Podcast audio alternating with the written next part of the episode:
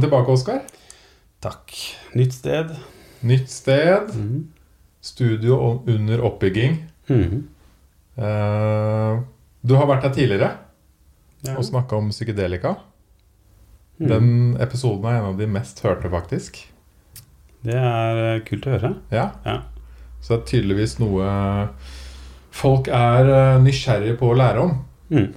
Og sist så var vi jo innom psykedelisk terapi. Mm. Vi snakka om forskning. Og noen historier som både du og jeg har opplevd eller hørt om. Mm. Så hvis man ønsker å på en måte lære mer om den delen av psykedelika, så kan man eh, spole noen 10-15 episoder tilbake og høre den. Mm. Hva er det du, du vil snakke om i dag, da? Uh, nei, jeg har jo tenkt Altså, den Når man snakker om psykedelisk terapi, så det Så snakker man mye om forskningen og sånne ting. Og så er det liksom ofte et spørsmål hvorfor folk lurer på liksom, ja, hva hvis man ikke har en diagnose, da, f.eks. Hvorfor tar folk eh, psykedelika generelt? Eh, altså sånn som Sånn som oss, f.eks., og en del Mm. andre som, som har, søker sånne opplevelser til tross for at man ikke har en diagnose. Eh, man har ikke noe problem med å fikse på en måte i utgangspunktet, da, Mm. sånn på papiret.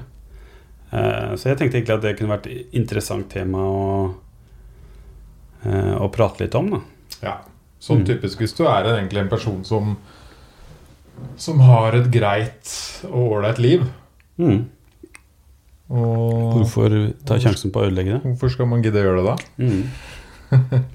Og det skjønner jeg jo. Det er vanskelig for, det er vanskelig for folk å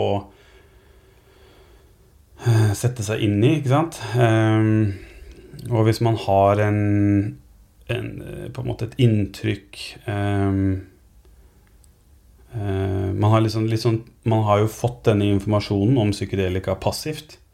Man har ikke søkt opp informasjon om det, så man har fått det gjennom eh, programmet på skolen, når det var, kom en politimann innom og skulle snakke om hvordan det var, fått rusavhengig innom og fortalt om det, og så trekker man liksom litt slutninger basert på denne informasjonen, og så ser man jo liksom nyhetssaker med folk som har hoppa ut av et vindu etter å ha prøvd LSD, eller eh, folk som har dødd av en overdose av MDMA.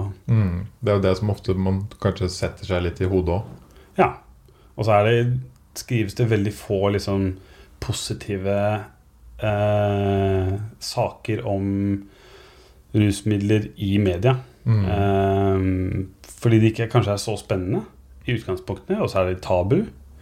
Eh, så man får mange reaksjoner på det og sånne ting. Så det er liksom ikke helt Det er ikke en crowd pleaser generelt. Eh, selv om det er liksom litt grann i endring nå. Mm. Ehm, så er det jo et eh, Ja. Og det er et, så det er et tema som man, man sitter med veldig mye passiv, passiv tilegnet informasjon. Da. Eh, og da er det jo interessant når man går litt mer aktivt og prøver å finne eh, Finne objektiv informasjon som kanskje ikke er eh, så vinklet for sensasjonalismen. Ikke sant. Ja. Men hvis man det, det Når jeg snakker åpent om dette med gamle og nye venner og bekjente, folk jeg møter og sånn, eh, så er jo én ting som alltid kommer opp, uten tvil, er jo det at det er ulovlig. Mm. Og det er det jo. Ja. Så det er, det er på en måte et veldig Hvis man bare setter et punktum der, eh, så er jo det et argument som Ja, det er ulovlig. Så hvorfor bryte loven? Ikke sant? Ehm, og så er det liksom nå, Hvis man prøver å liksom forklare litt, så er det sånn Ok, men er, er en lov Altså, hvorfor er det ulovlig? Eh, man tenker automatisk at en lov er laget for å beskytte samfunnet eller beskytte individet. Eh, men det er ikke alltid sånn det er heller. Noen ganger så kan det være lover som er laget for å please et samfunn. Altså for å Fordi det er populært. Eh, og noen ganger kan det være for å eh, eh, Ja, rett og slett bare at det er byråkratiske grunner til det. Mm. Um, og man hadde jo sånne ting som var ulovlig i Norge liksom Seksuell omgang mellom menn, f.eks., var ulovlig i Norge fram til 1972. Um, og i dag så vil man jo se at det var, en, det var en rar lov å ha, på en måte. Det var jo, Den hang jo i litt lenge. Mm. Um, og det var straffbart med inntil et års fengsel eller noe sånt. da Den ble ikke brukt veldig mye, den loven, men det var liksom nedskrevet allikevel. Uh, og så har man jo lover som er sånn som det å drikke offentlig, som er ulovlig og kan straffes med opptil seks måneder fengsel, sammen som personlig forbruk av, eh, av narkotiske stoffer. Ok, så det å e egentlig drikke offentlig Mm. i parken en sommerdag, Mm. det kan du få i prinsippet da, samme straff for som å røyke en joint i parken. Ja. Ja. Men så er det jo en eh, I hvert fall i Oslo så er det jo alle, eller veldig mange Parkene er fulle av folk som drikker hele Ja, ja. tiden. Eh, så det er jo en lov som egentlig ikke håndheves i så stor grad, men som brukes hvis det blir noe muffens, da. Hvis Ja. folk begynner å skeie ut litt, liksom, eh, og det blir et problem, så har politiet mulighet til å eh, til å komme inn. Mm. Og det er jo en sånn Men det er jo sosialt akseptert, ikke sant? og folk er vant til det, folk har gjort det selv, og man ser jo at dette Ja, ok, men det er en lov, men det er egentlig ikke Det er en lov som bare brukes i noen tilfeller. Mm. Um, På Musikkens dag i Oslo så er jo fengselsparken full av 1000 folk, Mm. hvorav 80 røyker weed. Mm, Og det er ved siden av fengselet mm, og politihuset. mm, Og det er ikke så veldig mange politi som går gjennom der den dagen. mm. Og det er jo også litt sånn altså med um, hvordan disse lovene håndheves, så er det jo sånn kanskje liksom Det kan være liksom politisk motivert ved at det liksom er en annen eh, et eller annet parti som har en sak, ikke sant, som vil at man skal rydde opp i et eller annet, eller ehm, Og så er det jo generelt sett så ser man på liksom problematikken, da. Mm. Det er jo ikke sånn at man Det fins jo saker, ting som er sånn ulovlige, men som hvis det ikke skader noe andre, så ser man liksom litt gjennom fingrene på det, ikke sant. Mm. Um, forbudstiden i USA, eksempel. Man hadde vel noe sånt i Norge også, i en periode hvor alkohol var eh, forbudt, i hvert fall i, innenfor noen rammer. da. Men det var liksom folk flest, det var en sosial akseptanse for det, så man så liksom gjennom fingrene. da. Mm. Det er jo også forbudt å kjøre bil for fort. Ja, eh, det er det også. Ja. Og Men det er også noe som folk litt vanlig. Litt vanlig. Og så er det liksom kanskje Man kan kanskje fleipe litt med det og sånne ting, men det er jo eh, Ja, det er mange som gjør det, da. Og så er det jo et, et spørsmål som Om man tenker på eh, Som gjør disse, disse grensene Man har veldig lyst til å ha en sånn svart-hvitt-bilde. Det er veldig enkelt. Hjernene våre liker å forholde oss til et sånt svart-hvitt-bilde med, at- dette er sånn, og dette er sånn. Eh, men så det, kan man alltid dra disse tingene over i gråsoner, hvor man Mm. ser at eh, ja, okay, det er, er det feil fordi det er forbudt? Ja, men ok, hva med hvis man er i Nederland, hvor psilocybin er lov? Er det da feil? Eller er det Hvordan funker det da? Er det lov for en nordmann å uh, ja, det er sånn som jeg har forstått det, så er det Så er det lov. Eh, men man Det kan være liksom Det kan være problematisk å innrømme Jeg har ikke satt meg så mye inn i det. Men det annet, jeg hørte et eller annet om det var, kan være problematisk å innrømme eh, bruk av rusmidler i et annet land i forbindelse med førerkort eller et eller annet sånt. Hvor det er liksom eh, Hvor lenge det blir i blodet, eller ikke sant. mm. Sånne ting. Um, jeg syns det er liksom interessant at noe er lov et sted og ikke lov et annet sted. Mm. For da er det liksom Hvordan er, er det da feil? Er det da, som nordmann, er det ok for meg å ta psilocybin i et annet land? Um, hvis man drar til et muslimsk land hvor det ikke er lov til å drikke, så er det da ikke lov til å drikke, men det er lov til å drikke i Norge. Kan en muslim, eller noen som bor i et sånt land, komme til Mm. Norge å drikke alkohol. Um, bortsett fra islam sier noe om det, da. Men um, Så det er liksom Det er litt sånn Et felt som er litt vanskelig å definere, da. Ja. Og du har jo Disse lovene er spesielt når det gjelder psykedelika, MDMA og eh, ja, fleinsopp, eh, LSD. Disse stoffene har ikke blitt ulovlig på, basert på et vitenskapelig argument. Så det har ikke vært en, eh, det har ikke vært en spesialistkommisjon av eh, folk som har sett på risikoen, og folk som har sett på eh, hvilken skade det kan gi til samfunnet og til eh, individ og sånne ting, og så har man gjort det ulovlig basert på det. Men det har jo vært en eh, Det ble ulovlig pga. USA i utgangspunktet, under Mm. Nixon, som hadde en politisk sak om å, at han ville liksom starte krigen mot narkotika. da. Eh, og dette var jo en tid hvor man hadde liksom hippiebevegelsen var i gang, og LSD hadde liksom spredde seg, og folk ble anti-establishments. ikke sant? De gjorde et opprør. De ville ikke dra i krig. Eh, de var eh, eh, Menneskerettigheter, eh, kvinnesaken eh, Rettigheter for svarte. Dette liksom starta opp samtidig, og det var liksom eh, Jeg skjønner jo at folk fikk panikk, ikke sant? Foreldregenerasjonen. Fordi de skjønte ikke hva som foregikk. De hadde liksom Dette ble en, en rituale som de unge gikk gjennom, som de eh, foreldregenerasjonen ikke forsto, ikke hadde tatt del av. Eh, og så ble det ja, Og fri sex, ikke sant, og sånne ting som virkelig bare liksom rystet fundamentet i eh, på en måte den amerikanske liksom, kulturen. da. Mm.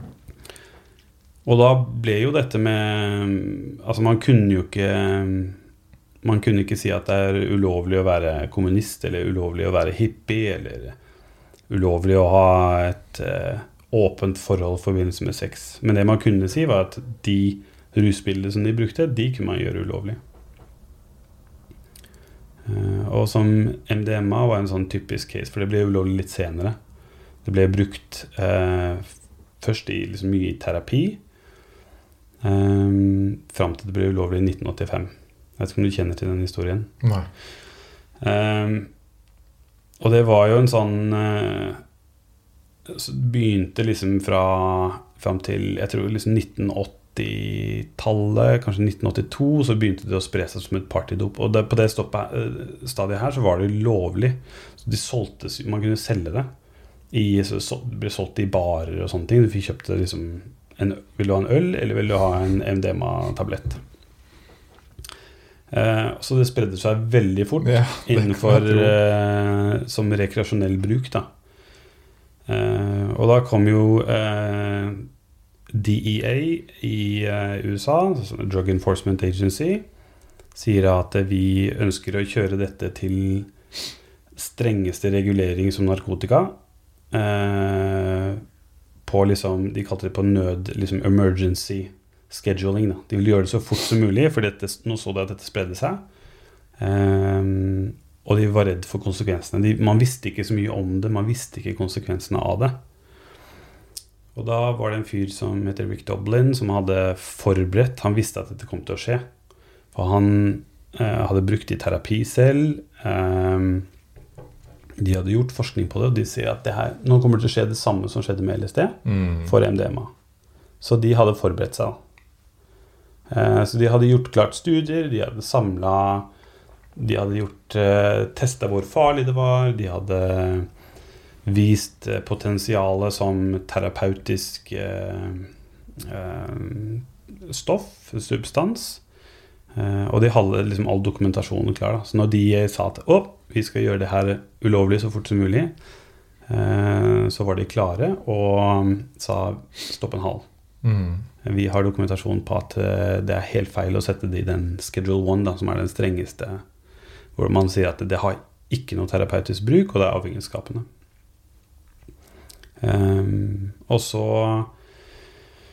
fikk han eh, også vant de det ble en, da en, en, en rettssak eh, om det her, hvor det liksom en dommer skulle vurdere, da. Eh, og så sier dommeren at eh,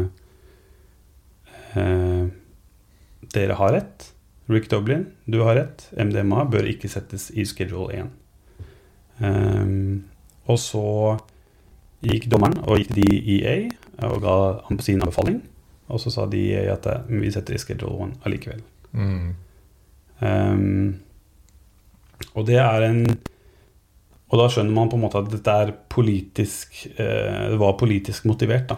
Um, og eh, Ja. Og sånn ble det ulovlig. Og så spredde det seg til Europa og Norge. Ja. Og det har jo vært USA har jo hatt på en måte en eh, Den eh, loven da, den, eh, som de lagde på Jeg husker ikke om det var 72 eller noe sånt. Ja. Eh, den første. Og så har den spredd seg til resten av verden da, gjennom eh, press fra USA. Hmm. Um, Men nå begynner de jo å legalisere. Ja. I hvert fall sopp Ja. i noen stater i Mm. USA. mm, de har dekriminalisert det. Mm. um, i en del stater. Og Canada. Så det betyr liksom at de har ja, gjort det lovlig til personlig bruk. Um, og så har de ehm, Men det er ikke lov å selge Det er ikke Nei. lov å selge det. Uh, Det er lov å plukke det. det er lov å plukke det, skogen. det er lov å spise det. Ja. Ja, det er lov å ha det. Så det er jo, og det har jo skjedd nå pga. forskningen som er gjort. Um, at det går litt i kjølvannet av det, så er det liksom blitt aksept for det, og folk ser at, vet du, at det her er liksom Når folk ser på det igjen, sant, så ser de på det, den forskningen som er gjort, og den dokumentasjonen som ligger til grunn. Mm. Og da har det vært lettere å gjennomføre disse dekriminaliseringsgreiene. Ikke sant. Cannabis òg. Det, Mm. det sprer seg jo eh, fort i USA nå. Mm. Det tror jeg har også mye med penger å gjøre, da. Ja, og det har blitt en industri. Mm. Stor industri, og, og jeg, jeg er liksom ikke sånn Jeg er for at folk skal kunne ta de stoffene som man vil, så lenge det er bare risiko for seg selv generelt. Men eh, jeg er ikke helt enig med liksom Jeg tror ikke den måten det er gjort i USA på, kanskje var optimalt. da Eh, Hvor det er liksom Det har spredd seg litt fort. Det har kanskje eh, blitt liksom veldig kommers kommersiell Mm. business. Du får mye reklame for cannabis, f.eks. i California. Ja, nå er jo, snakker folk om å kjøpe aksjer, ikke sant? Ja. I uh, selskaper som lager weed. Mm. Og det er liksom Om jeg syns at man skal reklamere for cannabis ah, Jeg syns egentlig det er greit at man ikke har reklame for alkohol og Ja, det er jeg helt sigaretter. enig. Ehm, så jeg syns det er fint i Norge, og jeg tenker at hvis man skulle innføre Legalisere noe, da, så mener jeg at man burde gjort det på en litt forsiktig måte, og kanskje hatt en form for opplæring. Mm. Um, De som kom på skolen når vi var uh, små, de burde også kommet og gitt et kurs om på en mer positiv måte. ja. Jeg husker ikke, Gjorde de det med alkohol, eller? Hvordan var det egentlig med alkohol? liksom? Hvordan fikk vi lære om alkohol? Jeg tror ikke det. Det var kanskje fra foreldrene liksom, som Mm. var ansvaret. For jeg tror liksom det også kunne vært fint å ha alkoholkursing liksom, på skolen. Ja. Eh, for jeg husker det var folk på ungdomsskolen liksom, som ble pumpa liksom, på, på sånne fester hvor man hvor jeg var, og så liksom kom det ambulanse og henta folk som ble pumpa. Ja, det var jo helt bajas. Folk sovna jo Blanda jo sprit og rusbrus og øl og alt mulig. Og det var jo en sånn Når man ser liksom på alkoholen som Så må man liksom huske på at det er en, man har en kultur for det. Man har, Foreldrene mine vet hva det er, deres foreldre vet hva det er. Man har institusjoner som, som Man har regler for det i samfunnet. Man går inn i en bar, og bartenderen sier 'Nå har du fått nok, kompis, eh, så nå Mm. må du gå hjem'. Eh, Det er liksom sånne ting Vi har sånne sikkerhetsventiler da, ikke sant? som er liksom lagt inn litt i samfunnet, og som er knadd inn over litt tid. Mm. Og det har man ikke for rusmidler på samme måte. Nettopp. Eh, Så jeg tror hvis man bare slipper alt på en gang, så um, kan det nok skeie ut litt. Grann. Du nevnte jo dette med risiko, og det er det jo mange som også lurer på innenfor det her. Liksom, men hvor farlige er tingene? Hva, Ja. hvor, hvor farlige er de forskjellige tingene? Man veit at heroin er farlig, ikke sant? Mm. Og så alkohol et sted. Men hvor er alt annet? Mm. Og det, det er et veldig komplekst tema eh, generelt. Men eh, det ble gjort et eh, Det var en publikasjon som kom ut for åtte, åtte år siden, tror jeg. Eh, som ble eh, skrevet i, da, i hovedsak av en fyr som heter David Nutt, som var leder for et sånn offentlig organ for rusmiddelforskning. Så han hadde fått i oppdrag å vurdere hvor, hvor farlige ulike rusmidler var. Hm. Ehm, Hvordan basert på hva da? Hvordan gjorde de det? så det var liksom to hovedkategorier hvor man så på skade til person, og så skade for samfunnet. Hmm. Uh, og da er det jo liksom Det enkleste er liksom økonomisk skade for samfunnet, f.eks. Og så har du personlig altså skade som død, overdoser. er det letteste å kanskje å spore. Um, men så har man også faktorer som psykologisk skade. Uh, om, det liksom, sant, om det kan trigge en depresjon, eller om det Mm. kan skade dine mellommenneskelige forhold, forhold til familie, venner. um, om det er altså, fysisk skade på andre mennesker, ikke sant. Um, Så da regner jeg med at de Eller han For å hente sånn type data, da, så må man vel sjekke sykehusinnleggelser og psykoser og dødsfall og sånne type ting.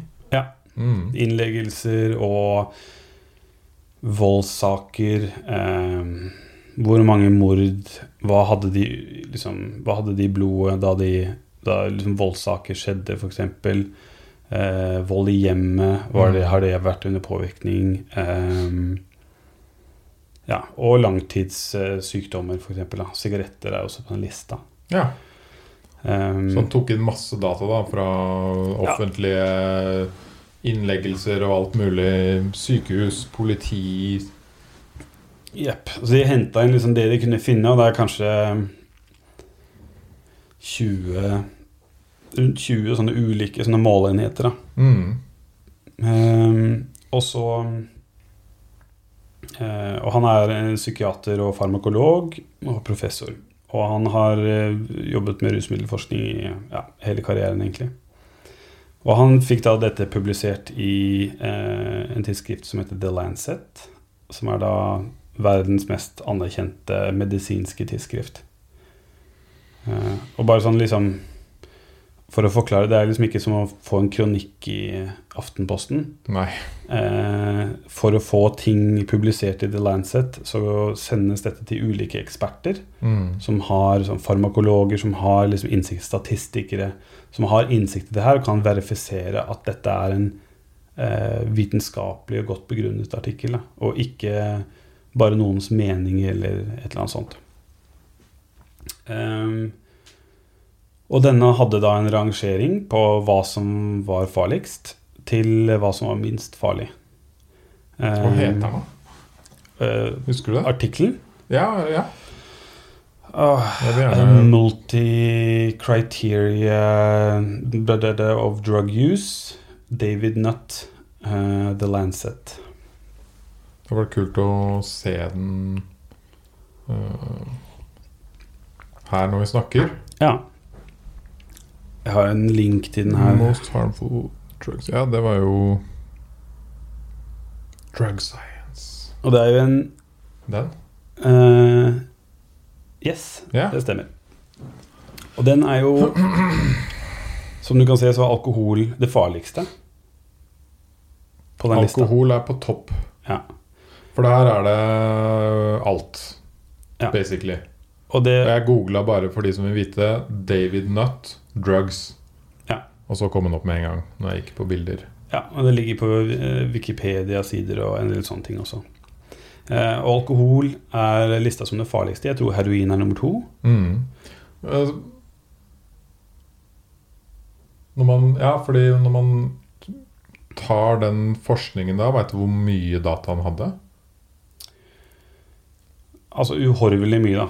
Ikke sant? Det, er liksom, det var et ordentlig prosjekt å sette sammen det her. Ja. Eh, og så vektes det litt ulikt, ikke sant. Hvor um, er det liksom Det at du mister en jobb, f.eks. Hvordan vektes det i forhold til at du slår dine barn? Ikke sant? Så Hvor, hva er Mm. skaden på samfunnet? Så det, de har liksom, det er skikkelig komplekst, eh, kompleks artikkel, da. Men som Eh, kom gjennom og kom på The Lancet og liksom Dette er god forskning. Ja, Rett og slett. Og da har du liksom De har det på en skala fra, fra 0 til 100, da. Ja. Um, grunnen til at alkohol kommer så høyt opp, er fordi det er, det er mye skade på seg selv, men det er også veldig mye skade på samfunnet. Mm. Uh, Harm to others er høy. Ja. Harm to users er høy. og det er liksom Du har Jeg lurer på om det er 50% av alle voldssaker hvor eh, den som utfører volden, er under påvirkning av alkohol, f.eks. Eh, og i trafikkulykker og ja, mord og Det er liksom Det er ganske sjukt å tenke på at det er det liksom man Det er Ja. liksom the, the preferred Ja. drug. mm, Alkohol. mm, Og så ser man på den listen her at det er uh, mer skadelig for andre og for brukere, eller i hvert fall for andre, enn heroin. mm. Og en dødelig overdose av alkohol ligger på rundt eh, Jeg lurer på om det er 8, 8 dl med 40 Mm. Eh, som jo er en ganske stor mengde. Men jeg har også sett folk drikke så mye. Eh, ikke sant? Og da er det sånn statistisk sett så dør 50 eh, på en sånn dose. Men så er det liksom hvis du er sammen med andre og sånne ting, så er det liksom, ok, da er det større sjanse for å overleve da, Mm. eh, enn hvis du sitter og drikker hjemme alene. Ja, fordi jeg kjenner som jeg har snakket med som er avhengig av alkohol. De sier at eh, Og de har kanskje vært avhengig av å røyke før, da. Weed. De sier at uh, alkoholen er mye verre. For det er bare å gå i butikken og kjøpe en sixpack. mm. Det er så lett. Det er sosialt akseptert, og nesten sånn påbud om det. Hvis du, mm. hvis du går ut med venner, eller du skal på en eller annen jobb, julebord, hva som helst, det er liksom Det å ikke drikke, det å si nei til alkohol, det er jo litt sånn uh, Da må man alltid ha en god forklaring til folka. Ja, Oi, hvorfor ikke? Ja. Går det bra, eller? Ja. Eh, Men la oss sjekke litt mer på den lista her. Alkohol på topp. Yep. Heroin, crack, meth. Og så kommer kokain, mm. som ganske mange folk er glad i. Og så tobakk. Og så amfetamin. Og så kommer weed. Mm. Så den er sånn midt på av alle de tingene her. Og så er det masse ketamin, masse ting jeg ikke veit om. Steroider. Men når du kommer til helt mot bunnen, da, Mm. og kanskje de tingene, i hvert fall de to man har lest om i avisa før, som fører til dødsfall og er livsfarlig, Mm. så er du ecstasy og LSD. Mm. Og de to er blant de fire nederste. Mm. Og de har jo satt det på en sånn her eh, Ja, en skala fra 0 til 100, da. Eh, hvorav du kan få 50 poeng innenfor skade til deg selv og 50 poeng for skade til andre. Og da er alkohol på jeg tror det er 72 av 100. Mm. Eh, Og eh, MDMA er på 10. Yes. Eh, og psilocybin, som er fleinsoppen, den er på 6. Ja, den synes nesten ikke på det. Eh, og for psilocybin så er det vel Det er null skade på andre. da. Man har Mm. fått null på den poengen. Og så er det null fysisk skade. Eh, så det er bare psykologiske skader som den har, da. Eh, og det er liksom litt sånn Som man ser på det på den der, så, liksom, så kan man si at det, det er definitivt ikke så skadelig som alkohol. Nei. Det er liksom det er ingen vitenskapelig tvil om. Det henger jo ikke på greip da når man ser den statistikken der og tenker på hva som er lovlig og ulovlig. Mm. Så er det sånn Hæ? Det som er minst farlig, Mm. er ulovlig. Mm. Det som er mest farlig, det kan du bare gå og kjøpe i butikken. Mm. Og det var jo en eh, Det var et tilfelle fordi i eh, fram til Jeg lurer på om det var slutten av 90-tallet, eller noe sånt, så var eh, psilocybin lovlig i Nederland som både da som sopp, da. Ehm, og så var det en ung jente, en amerikansk jente, som var i Nederland. Eh, og som hadde hoppet ut av et vindu.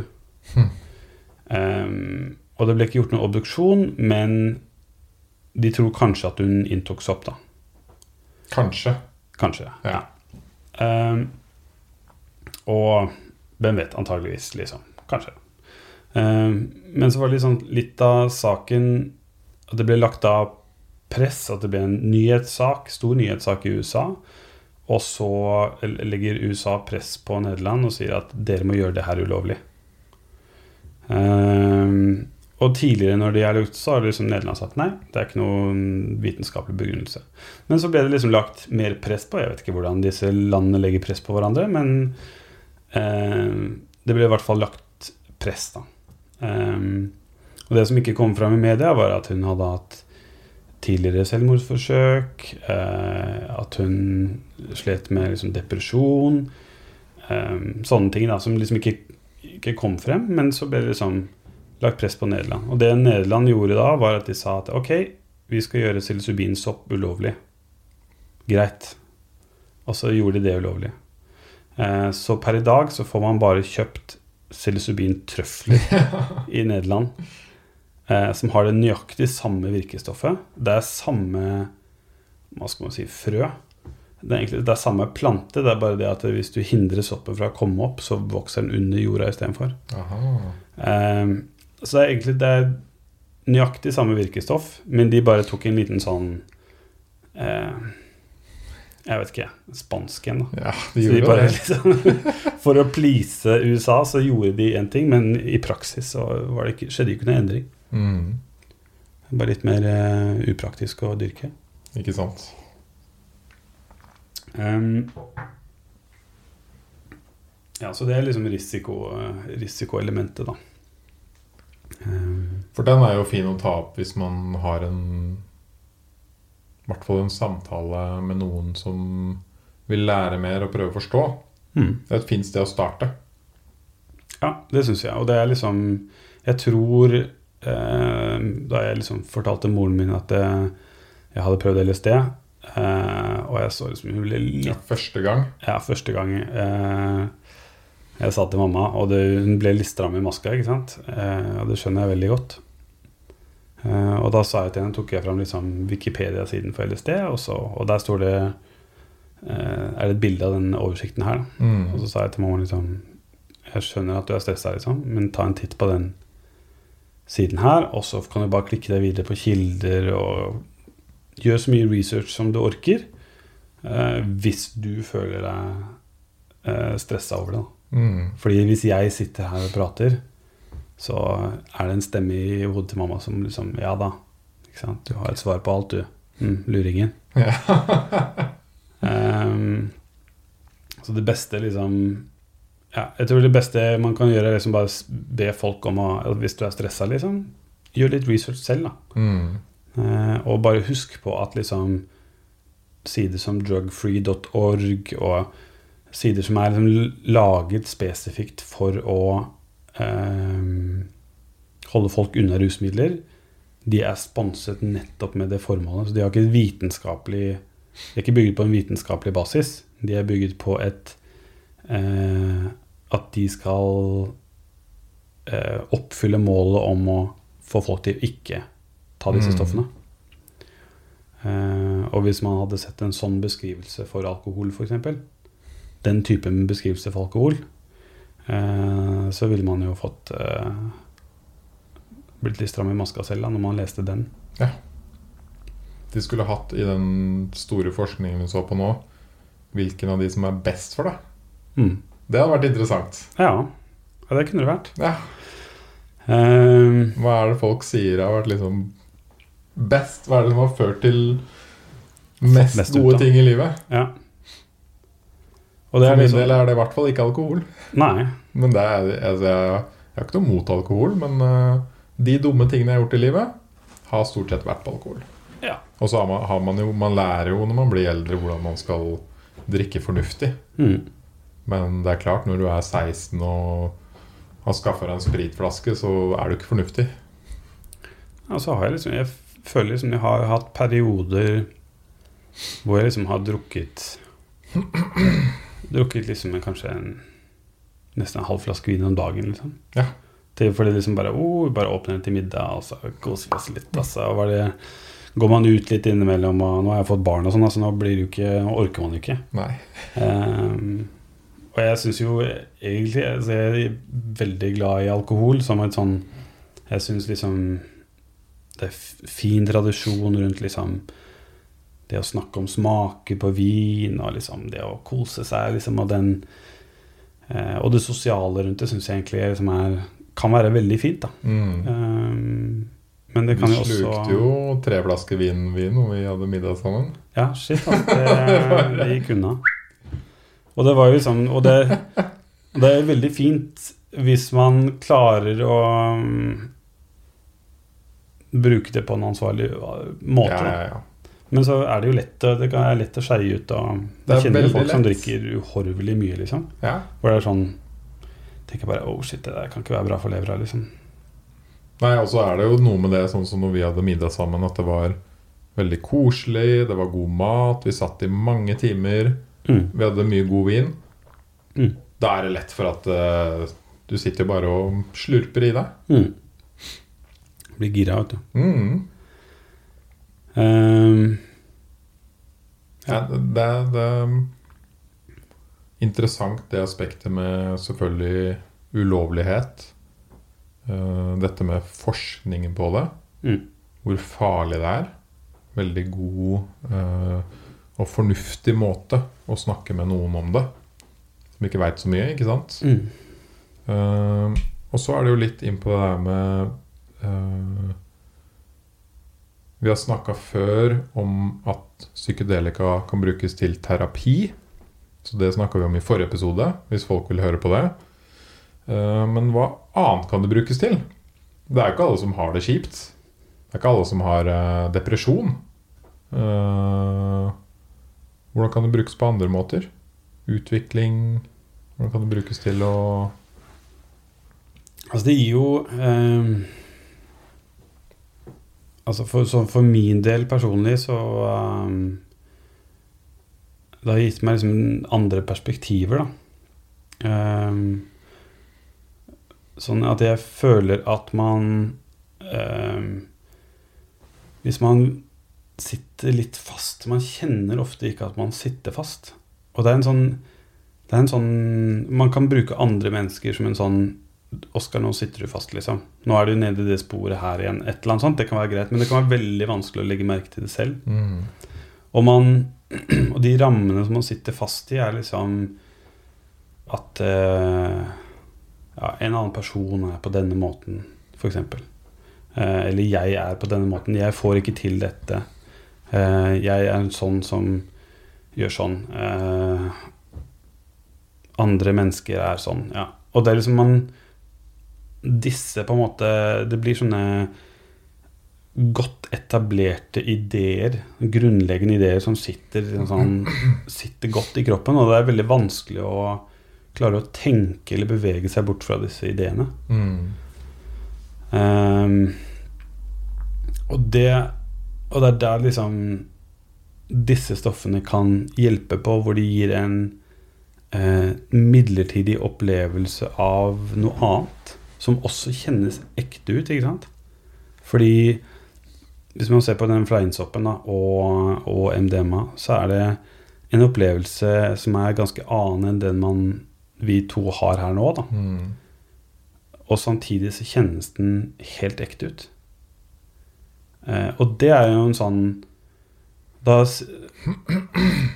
gjør det at man klarer å bryte litt ut av de mønstrene. Så man kan f.eks. Eh, la oss si at man har en anstrengt forhold til en eller annen person. Så tenker man at den personen her er en drittsekk. Eh, og jeg kommer aldri til å Et eller annet sånt, da. Og så plutselig så kan man gjennom en sånn opplevelse så kan man se den personen i et helt annet lys. Bare Oi, den personen er egentlig veldig fin også. Eh, og når rusopplevelsen er over, så sitter man med den tanken. Og da er plutselig den personen som man har det forholdet til, har endret seg litt. ikke sant? Fordi man Mm. ser at denne personen er ikke, er ikke bare en drittsekk, men det er også en fin person. ikke sant? Og da har man disse to holdningene. Jeg hadde jo en sånn opplevelse med en, øh, med en god venn som hadde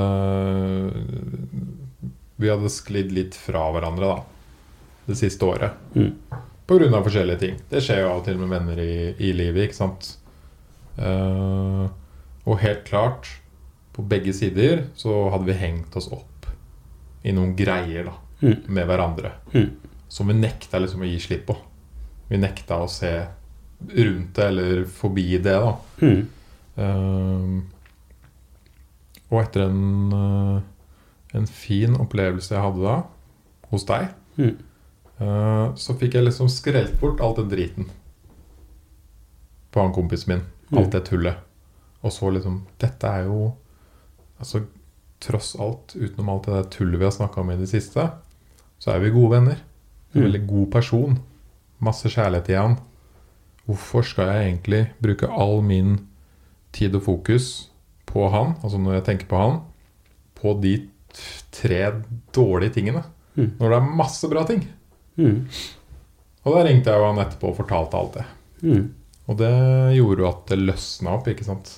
Det, altså, det var ikke kuren for å fikse alt, men det starta opp en kur som nå er pågående, ikke sant, for å ordne opp. Mm. Og det er jo mange som kjenner på den Det er veldig mange som har et sånt forhold Mm. til noen, ikke sant? Mm. Um, og som plager en litt. Det er et eller annet som det? Sitter nedi her et sted og Ja. ja.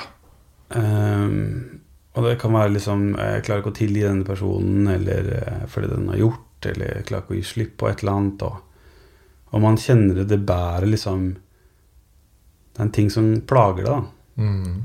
Og vi snakka liksom litt, litt grann sist og fortalte liksom om at jeg brukte det til å slutte å røyke sigaretter. Eh, og for meg så var det liksom Sigaretter var bare en ting som ga meg egentlig veldig lite. Og det plaga meg. Det var liksom Mm. sånn Jeg likte ikke En del av meg likte litt den derre cravinga, altså det å få liksom Få en slutt på cravinga, på en måte. Men det var også liksom det Jeg følte at jeg ikke hadde kontroll over det, på en måte. At jeg, jeg klarte ikke liksom å slutte. Um, og jeg følte ikke det matcha med et bilde sånn som jeg hadde lyst til å leve livet, og mange sånne faktorer. Det beskurra litt, da. Mm. Så det var en sånn ting som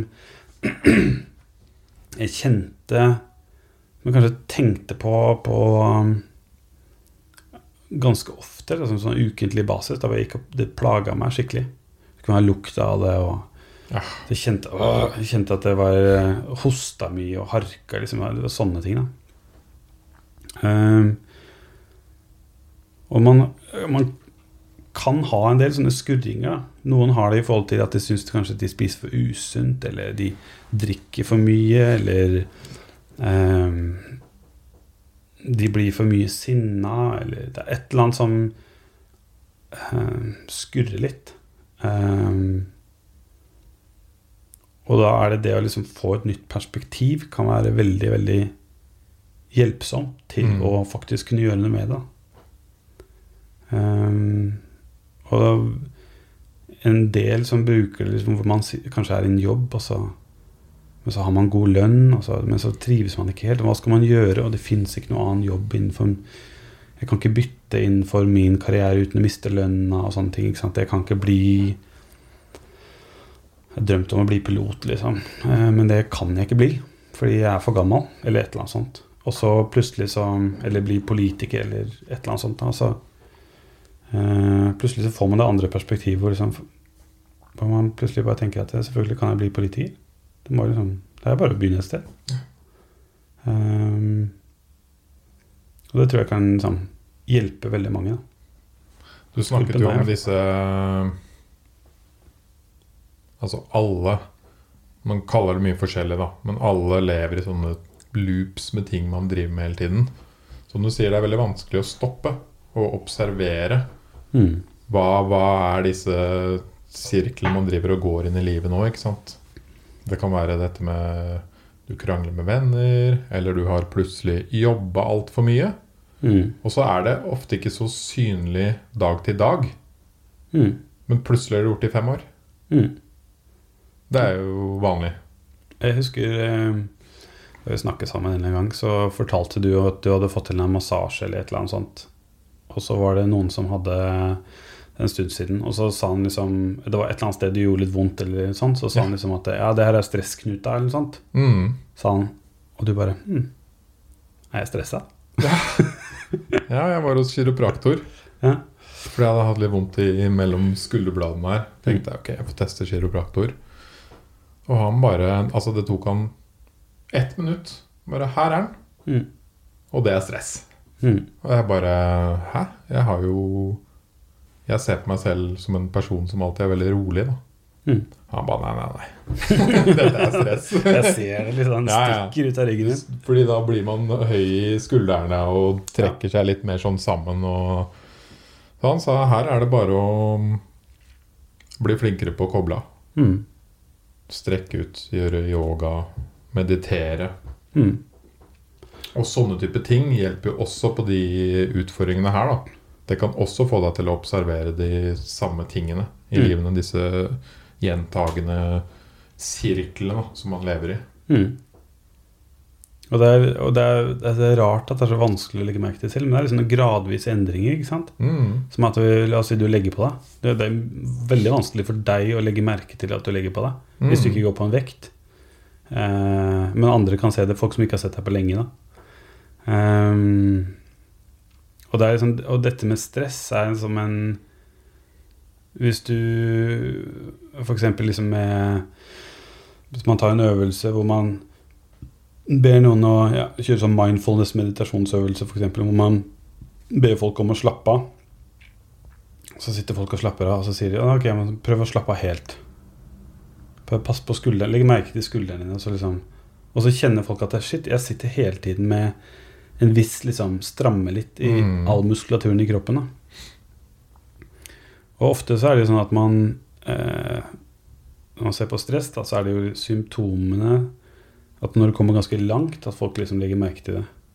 Og man har liksom litt sånn kultur hvor det er litt aksept for stress. og ja, 'Nå har jeg jobba så mye', og ikke sant? Det er en sånn vanlig ting for folk. Tidsklemme og alt det der. Og, ehm, og det stress gjør, liksom er at man det øker liksom kortisolnivået, adrenalinnivået i kroppen, som er liksom stresshormoner da, som eh, Egentlig, liksom, hvis vi hadde bodd i skogen, så hadde den blitt trigga eh, når det skjer et eller annet som er farlig. Mm.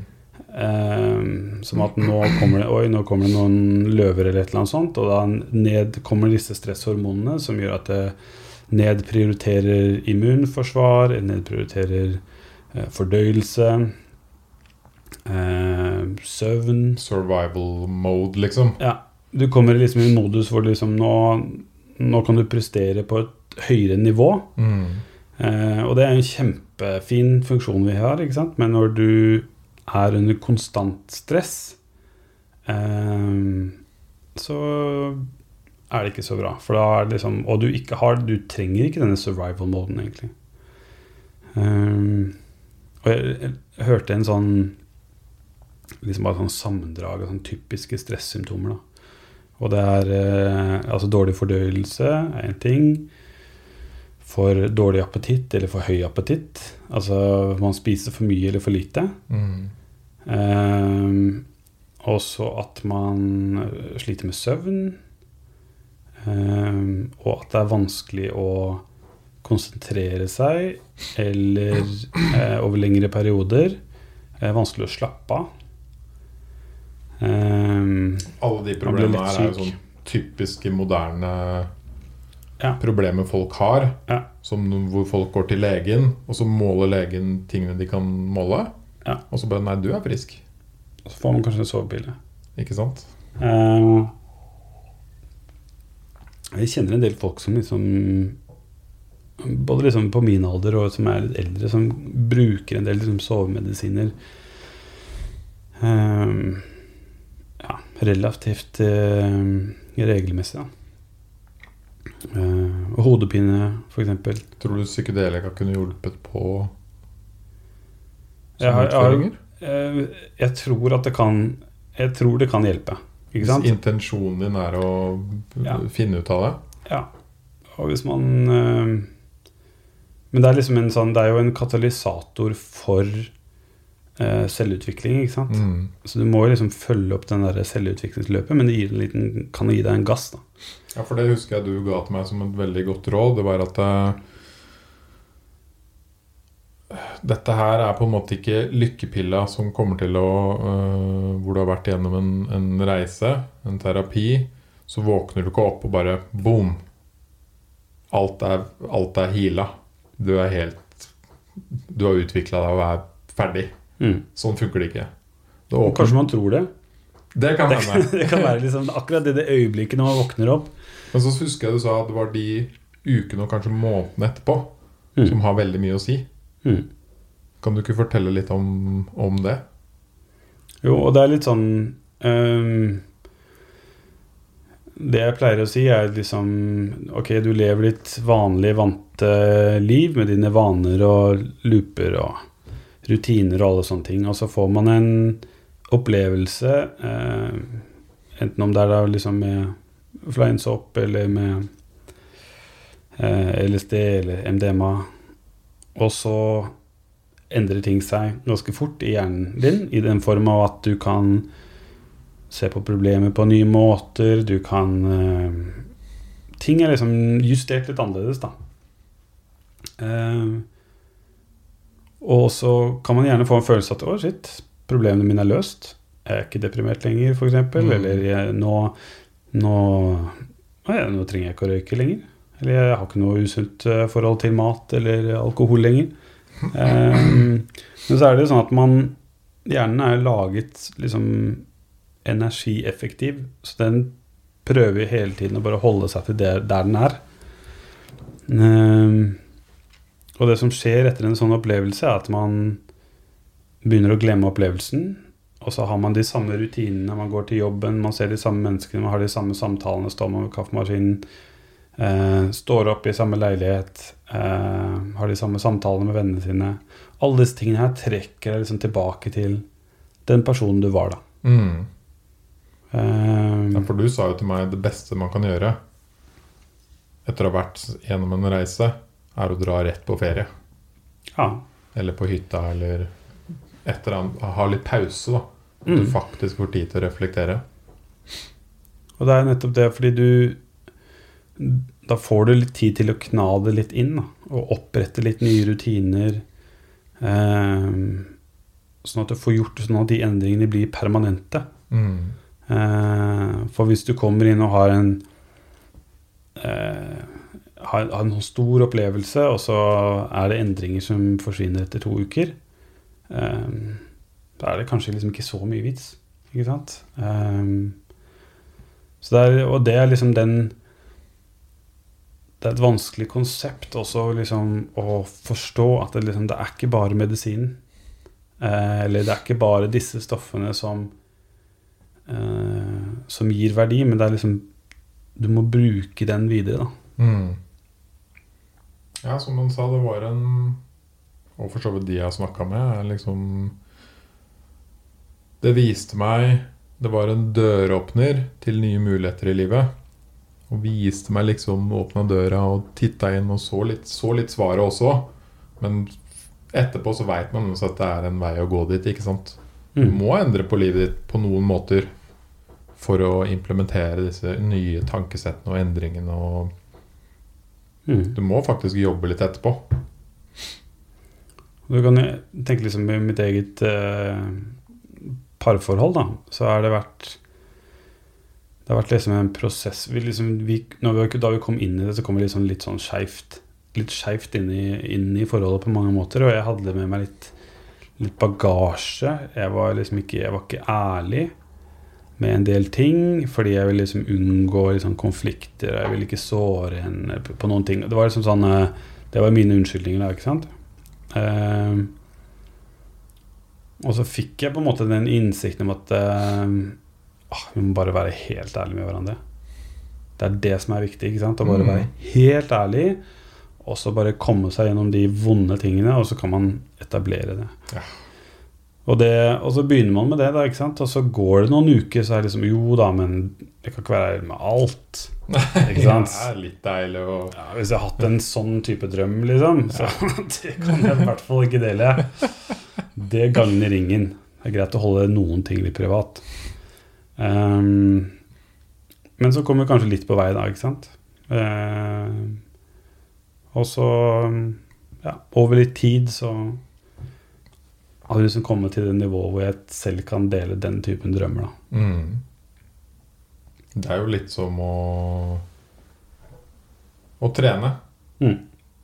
Man kan ikke bare trene i en uke, og så er man ferdig.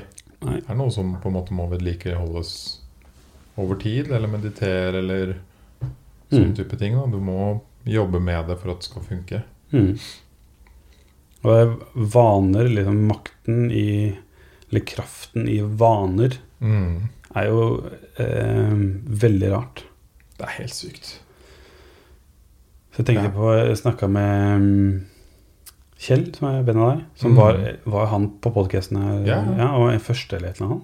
En av de første? Ja, veldig tidlig. Ja, og han snakka om sånn kalddusj-greier. eh, hvor at Og det har blitt en sånn ting som han craver, selv om han syns det er ubehagelig. Og jeg, jeg har ikke begynt med det nå, så for meg så er det sånn oh, kald, kalddusjen. Det høres helt eh, Det høres veldig brutalt ut. Eh, men når man liksom, jeg skjønner at når man får opp vanen, så er det ikke brutalt lenger. Nei. Fordi da er det Selv om det gjør vondt, så er det en del av din normale hverdag, da. Mm. Ja, og så får du en win. Du klarer å gå gjennom noe tøft. Mm. Så de sier jo det er jo oftere jo bedre du blir på å ta kalde dusjer, gå gjennom en smerte, håndtere den og komme ut av det, jo lettere er det utover dagen å gå gjennom andre typer smerter eller kjipe ting.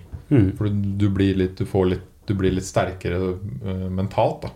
Mm. Du har allerede vært gjennom en sånn hard ting i løpet av dagen. Mm. Og det er jo noen som snakker om psykedelika, at det- kanskje er litt på samme måte. Mm. Det fungerer. Fordi altså MDMA er liksom litt, litt mer eh, sukkersøt opplevelse da, enn en psilocybin. Men psilocybinen er jo en Den tar deg til lyse steder og til mørke steder. Eh, og det er også en litt sånn Det var en av som kalte det liksom for emosjonell fitness. Eh, og det er fordi du liksom Man øver seg på å liksom oppleve litt sånn ekstrem sorg og ekstrem frykt og ekstrem glede. Eh, som gjør at man kanskje tåler litt mer i hverdagen. Da. Mm. Um, og jeg hadde sånt Vi venter jo barn nummer to, som eh, kan komme Nå? Ja, nå. Eh, sånn cirka når som helst. Du har lyd på mobilen, eller? Nei, faktisk ikke det. Jeg kan kanskje legge den fram. Det kan i hvert fall Ja, vi kan legge den her bare, så ser jeg det. Godt poeng. Um, og da husker jeg liksom Jeg hadde, jeg hadde da en psilocybin-opplevelse uh, hvor jeg uh, tenkte Det var tidligere i graviditeten, da. Og vi var litt sånn mm, Skal vi fortelle folk om det? Eh, ja, det hadde vi kanskje gjort, da. Men skal vi liksom sette et navn på barnet allerede? Det hadde vi egentlig lyst til. Men så tenkte vi liksom det er veldig kjipt hvis man mister barnet. mm. Så har man plutselig laget dette liksom emosjon, Styrket dette emosjonelle båndet til et barn som da hvor det er en viss sannsynlighet for at det ikke går bra i begynnelsen. ikke sant? Um, og det jeg fikk i, gjennom den opplevelsen, var at jeg begynte å tenke på det. Og så På psilocybin. Ja. ja. Ehm, og så tenkte jeg på det, så tenkte jeg ok, men hva er det vi, er det vi er redde for? Vi er redde for å miste barnet. Og så tenkte, og begynte jeg å tenke på hva, å ja, hvordan vil jeg oppleve det hvis jeg mister et barn? Hvordan vil min samboer oppleve det å miste et barn? Og da, under denne påvirkningen, så kjente jeg på liksom den ekstreme sorgen da, Mm. av å miste et barn, og gikk gjennom samtalene og hvordan det var med Diba, og hvordan, altså min samboer, og hvordan det var å prosessere det i et parforhold, det å miste et barn. Eh, og det var liksom Det kjentes ekstremt vondt, da. Å bare kjenne på det. Det var liksom skikkelig Det kjentes ut som om jeg hadde mistet et barn. Sånn som jeg forestiller meg det. da. Men det var liksom Det var en virkelig, virkelig liksom intens smerte. Ja. Kroppen og hodet og Og jeg gråt og ja. gråt, og det var eh, Og det var kjempe, kjempetøft. Og så kom jeg gjennom den opplevelsen, og så så jeg på en måte eh, hvordan både jeg og min samboer ville klare å komme oss gjennom dette. Og hvordan det ville på en måte også styrke vårt forhold da, Mm. til hverandre. Um, og da jeg kom ut av den opplevelsen, uh, så tenkte jeg at ok, vi bare da, da hadde jeg ikke noe frykt for denne liksom emosjonelle båndet til dette barnet. Så var det liksom jeg, Da hadde jeg helt Jeg var helt klar for det. Jeg, liksom, jeg følte at det her kommer til å gå helt fint. Selv om vi Mm. mister barnet, så så kommer det til å gå helt fint. For en sterk opplevelse. Det var veldig Det var veldig heftig. Og du kan jo si det at uh, sannsynligvis så ville du aldri bare satt deg ned i sofaen og bare tenkt så dypt gjennom akkurat den opplevelsen da, som du gjorde. Nei, jeg har Det, det er forsvarsmekanismer vanskelig, ikke sant? Det er veldig hodet som vanskelig. hindrer. Så det mm, Og det er en type Var det en behagelig opplevelse? Liksom, nei, ikke det, ikke det hele tatt. Um, men har det, ga det meg verdi etterpå? Det var liksom Ja, definitivt. Da. For jeg Mm. turte på en måte å uh, Turte å gjøre det jeg egentlig ville gjøre. Men som hvor frykten for å miste det for at det ikke skulle bli som jeg håpet, den holdt meg tilbake. Da. Mm. Um, så det er Og det er litt sånne type ting Det er det det har gitt meg, da. Uh, så det har gitt meg litt sånn Det er liksom kald dusj, mental kald dusj Det er en mental kalddusj, ja. ja. Eh, og hvor det rett og slett eh, gjør at jeg tør å gjøre ting som jeg aldri ville turt ellers. Så det utvikla deg på flere måter, da. Ja. Og som vi snakker om der, det er ikke så Det er ikke så enkelt å bare sette seg ned edru og begynne å tenke over sånne ting. Og ligge og gråte i sofaen. Det, det, å komme til den staten, mm. det er ikke lett. Det, er ikke, det er ikke lett i det hele tatt. Altså, man kan La oss si hvis man har uh, sittet med en god samtale med en venn, kanskje man kan komme litt nærmere.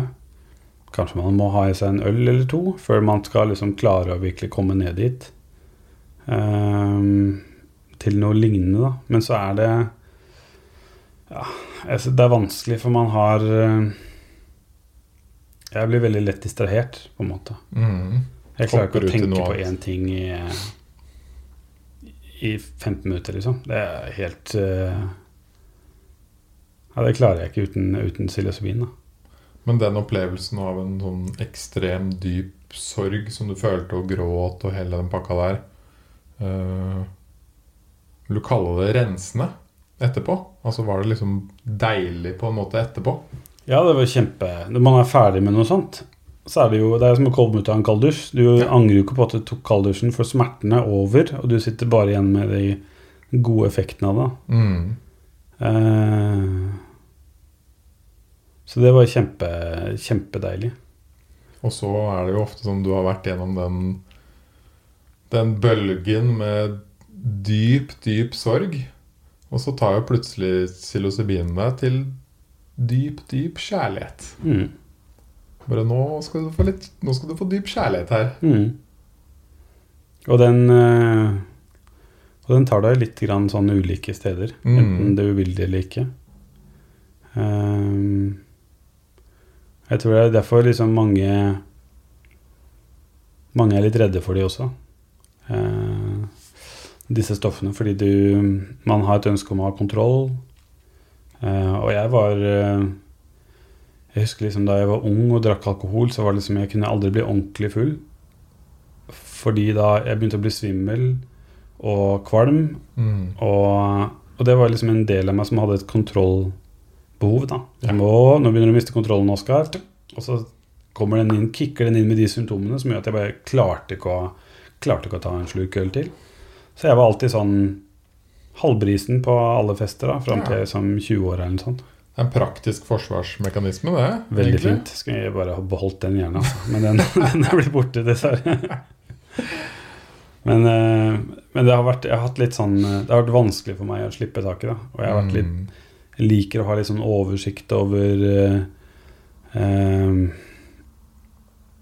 folk og er litt sånn i gjetermodus, ikke sant. Og liker å passe på. Det er liksom litt vanskelig for meg å liksom slippe taket. Og er kanskje litt opptatt av at folk skal se meg på liksom en viss måte. Mm. Så det å drite meg ut har vært liksom Jeg har vært veldig redd for å drite meg ut. da At noen skal liksom se på Oskar og han der er en tulling, liksom. Um, og den frykten er Har jeg liksom massert litt, litt grann ut, da. Sånn at jeg er i hvert fall litt mykere. Uh, sånn at jeg tør å Tør å stille opp på ting hvor jeg kan drite meg ut. Da tør å være litt mer sårbar overfor venner og familie. Sånne ting enn jeg, enn jeg var før. da. Mm. Ja, man får jo noen, som du sier, noen dype mentale kalde dusjer. Mm. Og man har sånne opplevelser som gjør at du kommer ut litt sterkere på andre siden. Mm. Absolutt. Og Og drar Du går inn i episoder og sånn i livet som er vanskelig å ellers gå inn i, sånn som vi har snakket om. Mm. Og for min egen del så er jo jeg livredd for å plutselig våkne en dag, og så har jeg gjort det samme i fem år, Mm. som jeg egentlig ikke har hatt lyst til. Mm. For det går fort fem år. Mm. Og kanskje man har bundet opp i en sånn tanke om at ja, man vil Man kjøper det drømmehuset, og derfor så må man jobbe så hardt, f.eks. Uh, Ja, altså Det verste jeg veit, er den derre Nå er jeg Si man er rundt Samme hva man er egentlig, 25 eller 35. Mm. Og så har man hele tiden den Jeg skal jobbe så hardt nå for å bli glad når jeg blir eldre. mm. Når jeg hører folk si det, så får jeg sånn ah, No. Det er jo ikke det livet handler om, ikke sant? Nei. Det er dumt å waste den tiden her i livet for å tenke at du skal ha det bedre etterpå. Mm. Du må nyte nå og etterpå. Mm. Og det er, en sånn, det er- er jo sånn vanskelig balanse i, for man må gjøre noen ting som man ikke liker. Ja, ja, ja. Og det er jo ikke det jeg sier. Nei. Livet er ikke bare gøy. Uh, og jobb er ikke bare gøy. Og, men man må fortsatt leve i den verden vi lever i i dag. ikke sant? Mm. Finne én måte å tilpasse seg på. Mm. Uh, men så er det sånne både små og større endringer da, som kan, man kan bli bevisst på og egentlig våkne opp litt. Mm. Og se at shit Det jeg gjør der hver dag, hver uke, det har jeg, har jeg egentlig ikke lyst til. Mm. Og som du sa, til meg så er det sånn derre eh, Ikke gjør noe drastisk Mm. Mm. de første ukene. Ikke slutt jobben din i morgen, liksom. Mm. Uh, Ikke gjør det slutt med dama, ikke si opp jobben, ikke selg huset. ikke sant? Eller vent i, uh, vent i en måned, da. Ja. Um, Og det er også et bra tips. mm. Man kan jo våkne og bare Wow! Nå flytter jeg til Bali. Mm. Det er eh, mange som har hatt den tanken. Mm. Jeg husker første gang jeg prøvde liksom eh, Eller hadde en opplevelse da på liksom eh, Fleinsopp, eh, hvor jeg kom ut av at på en måte hadde jeg hadde fått så mange svar på ting, og ting var så enkelt, og det var liksom en eh, som, som en nesten som en religiøs opplevelse, da, ikke sant? hvor jeg ser for meg Hadde kanskje litt samme blikket som en nykristen, nyfrelst person har. Ehm, og så tenkte jeg at alle må ta det her. Og det vet jeg at det er veldig mange andre som også har den Alle må bare ta det her. Masse av det eh, for alltid, og så løser man alle problemene. Det blir ikke noe krig. Og hippiene hadde jo en veldig sånn Det var jo deres budskap, på en måte. Mm. Putt i drikkevannet. Eller i hvert fall han Timothy Leary, som mente at det var en god idé, da. Ehm, og så er det litt sånn Har jeg kanskje justert min vurdering av det litt sånn annerledes, da. Og jeg ser jo at man ehm, Jeg tror ikke eh, alle bør ta det her uendelig mange ganger, eh, og at det nødvendigvis bare er bra. Eh, og at det å ha en mange tripper, eh, at det vil løse ting på en bedre måte, det er jeg ikke nødvendigvis så overbevist om lenger. Nei. Hva tenker du nå, da? Eh, nå tenker jeg at liksom vi, altså vi lever på jorda, og noen ganger så kan vi bli sittende litt fast i en gjørme, liksom. Og det er greit å få en liten eh, liten jetpack-boost til å komme seg litt grann ut av gjørma. Mm. Man letter litt grann over jorda, og så kan man lande igjen, da. Eh, men at hvis man, man kan dra det litt grann for langt Og det at eh, psykedelika kan, kan jo ha litt den effekten at man At man tror det funker. Eh, men ikke nødvendigvis at det gjør det. da Så det er veldig mange som Det fins jo folk som har tatt veldig mye psykedelika, og som har nøyaktig de samme problemene som de hadde for Mm. veldig mange år siden. Eh, men som prater konstant over hvor mye disse stoffene har hjulpet dem. Men så ser du på dem, og så ser du ja, men du har fremdeles et problem med alkohol, og du har fremdeles Du har liksom de samme problemene som for mange år siden. Ikke sant? Um, og det tror jeg liksom er litt den, den Det man bør være litt obs på, da. Uh, og Det er derfor jeg sier til folk liksom Hvis de har hatt en sånn opplevelse, så sier jeg liksom Vis til folk gjennom handlinger hvordan du har endret deg, istedenfor å prate om hvor mye du har endret deg. Eh, for hvis du kan vise dem gjennom handlinger, så er det jo faktisk en endring. Mm.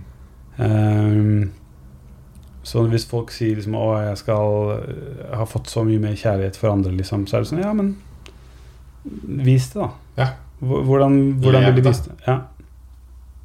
Ehm, og, den, og for å få denne disse handlingene ut i livet, og for å få den tilbakemeldingen fra andre mennesker, så er det liksom greit å ha en liten pause innimellom, altså, mellom, mellom trippene.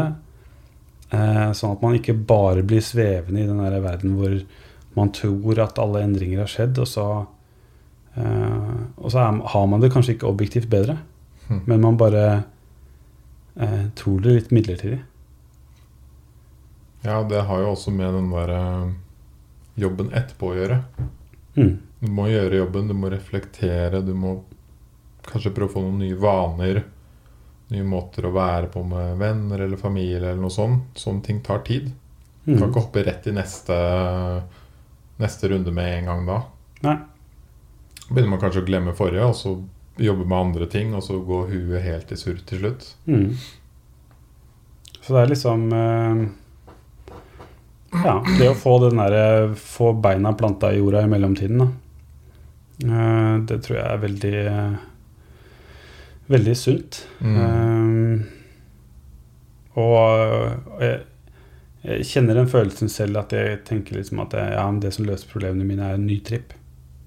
Uh, og det er liksom det er ikke avhengighetsskapende stoffer, men at jeg uh, Litt på samme måte som folk kan bli avhengig av meditasjonsretreats, f.eks. da. Ja. Eh, eller å endre meditasjonstype, eller at man eh, Ja. et eller annet eh, nye treningsmåter, eller på, Litt på samme måte at man kan bli hekta litt på liksom selvutviklingsdelen, og at Mm. man ikke mm, ikke gir det tid til å faktisk sette seg. Da. Og jeg er litt, litt sånn Litt skyldig der innimellom, altså. På Ja. sånne ting. Det tror jeg alle er. Kan svinge litt mellom ulike Å, oh, det er spennende, og det er spennende. Ja. Og så gjør jeg det litt, og det hjelper meg veldig, altså. altså mm, noen måneder senere så holder jeg på med noe annet. Ja, Sånn tror jeg de fleste er. Det er, veldig, det er så mye informasjon og ting og fristelser på personlig utviklingsstadiet òg, Mm. hele tiden. Mm. Jeg har også hoppa fram og tilbake på kalde dusjer, meditasjon, løpe om morgenen, liksom Og nå er det mer eh, Og jeg har jo lært av det at man må egentlig velge noen få ting, og heller mestre de Mm. over tid, enn å ha mange ting man bare surrer med, Mm. som man gjør halvveis. Jeg hadde liksom med bøker hvor jeg var en periode hvor liksom var, liksom, det var veldig vanskelig for meg å lese bøker før. Altså sånn, Jeg mista konsentrasjonen veldig lett. Og så begynte jeg med lydbøker på, og satte opp i høyere hastighet. Fikk et tips av en tidligere kollega. Og da klarte jeg å konsentrere meg. da Klarte jeg å høre på. Og da åpna det seg plutselig en verden. Og bare, oh shit, nå kan jeg lese bøker, liksom.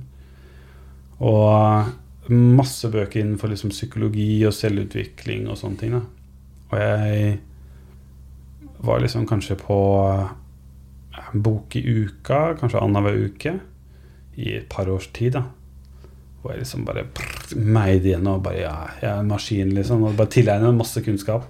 Jeg satt og tenkte på faen, det, Jeg har jo glemt altså, Jeg husker ingenting av noen av bøkene. Som jeg liksom Og jeg kan lese en bok igjen hvor jeg liksom bare ja, er, jeg, jeg tror ikke jeg har lest det her, liksom. Uh, så nå har jeg endra litt strategi. Og nå leser jeg eller Jeg begynte for et par år siden, da, så nå leser jeg heller noen få bøker mange ganger. da Ja, samme her. eh, Sånn at jeg lærer de og får det liksom inn under huden. Og jeg bare det, det, Shit, det her er en bra bok. Mm. Nå må jeg bare lese den flere ganger, sånn at jeg klarer å massere den inn i livet mitt. da I hvert fall de som handler om personlig utvikling. mm. Og så kan man heller dytte inn litt andre typer bøker mellom. Mm. Ja, Jeg hadde helt lik samtale med en kompis her om dagen. Vi hadde også noen sånne Vi hadde mange perioder hvor vi bare har lest ikke sant, eh, syv-åtte personlige utviklingsbøker etter hverandre. Mm. Og bare altså Du har begynt på en som handler om vaner, og så begynner du en som handler om nettverking, og så går du på neste. Mm. Og så får du egentlig aldri kommet ordentlig inn i disse nye vanene. Mm. Du klarer ikke å innarbeide det. Så i år så snakket vi om tidligere år da, at vi Nå velger vi tre av de beste bøkene. Og så er det de tre vi heller fokuserer på framover. Mm. Jeg tror det funker veldig mye bedre for min del, i hvert fall. Mm. Eh, for hvis jeg leser ti bøker på rad, så husker jeg ingen av dem. Overload. Ja. Overload. Så nå har jeg liksom eh, eh, Nå har jeg liksom noen bøker som jeg leser jevnlig. Mm. Eh, igjen og igjen.